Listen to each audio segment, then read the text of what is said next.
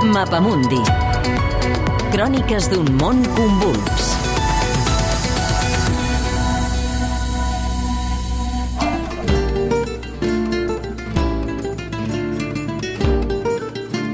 Primer gran judici a l'Andrangheta. Non piace chi sta serenata. Porta el nom de Rinascit Scott el primer gran procés a l'Andrangheta, el més exorbitant després del macrojudici a Palerm contra Cosa Nostra. Està tenint lloc a la nova aula búnquer de la Metzia Terme, a Calàbria. Després de les audiències preliminars celebrades a Roma, són 325 els acusats, 600 els advocats defensors. Els càrrecs que pesen sobre els andranguetistes són més de 400. Hauran de respondre d'homicidi, intent d'homicidi, d'associació mafiosa, extorsió, tinença d'armes i explosius, tràfic de drogues, robatori, usura, abús d'influències.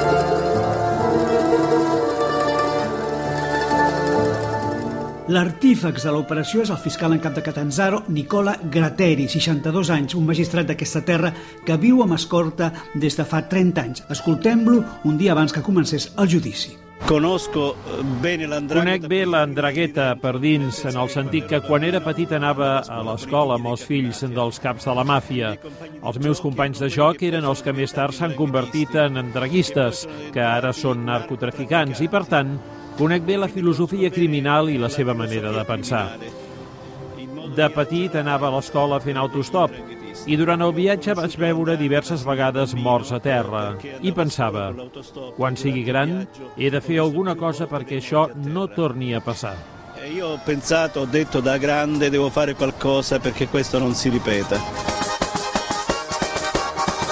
Per Grateri, aquest és el procés de la seva vida i ha dedicat 4 anys i ho vol tenir tot controlat. Per exemple, ha recusat i ha fet substituir la presidenta del tribunal per incompatibilitat, massa influenciable. El fiscal en cap de Catanzaro no es fia de l'Andrangheta. Sap que és quasi impenetrable, difícil de contrastar, que té una força d'expansió criminal increïble i que fa negocis cada any per 50.000 milions d'euros. Ma in questo momento... En aquests moments, reconegut pels experts, l'Andrangheta és la màfia més perillosa i està present a tots els continents.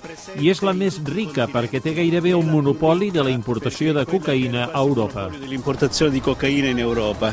S'han investigat i es jutgen 10 anys de història criminal del poderós clan Mancuso que, juntament amb els seus aliats, controlen els contactes amb la política, les institucions, l'administració pública, per decidir sobre les grans contractacions, les grans especulacions, per activar els canals necessaris i arreglar processos o domar sentències. Ara l'Estat prova la reacció contrària, jutjar-los plegats. È una pietra angolare. És una pedra angular, és un procés important perquè ens ha permès fer passos enormes, passos de gegant en el coneixement de l'Andrangheta. Vaig pensar que era inútil fer petites investigacions quan en realitat hi havia una unitat de l'Andrangheta, d'organització, que dominava sobre totes les altres a la província de Vibo València. Soprattutto nella provincia di Vibo Valenza. Són 58 els col·laboradors de la justícia, massa de faccions que han minvat la credibilitat, el secretisme de l'Andrangheta i el seu model plurifamiliar.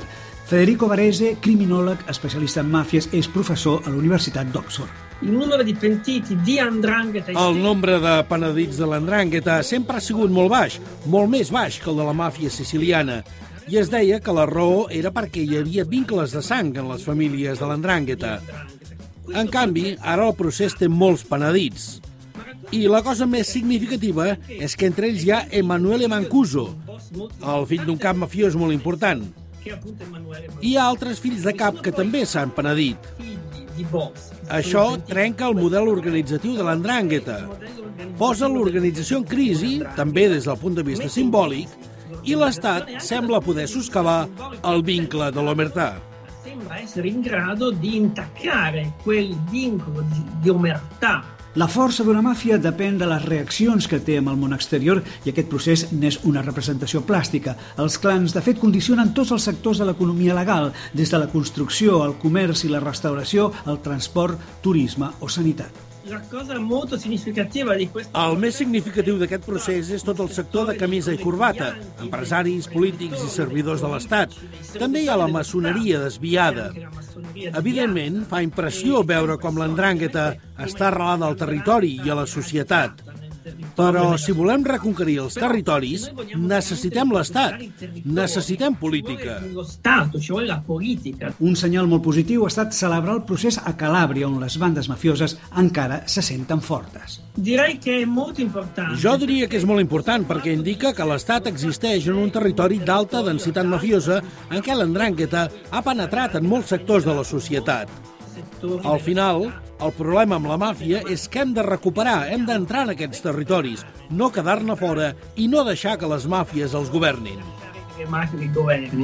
Ara la paraula passa als jutges, a l'espera que els calabresos puguin tenir una rinàixita, un renaixement. És un reportatge des de Roma d'Eduard Rubió amb muntatge de Jordi Galbany, disponible al podcast del Mapamundi.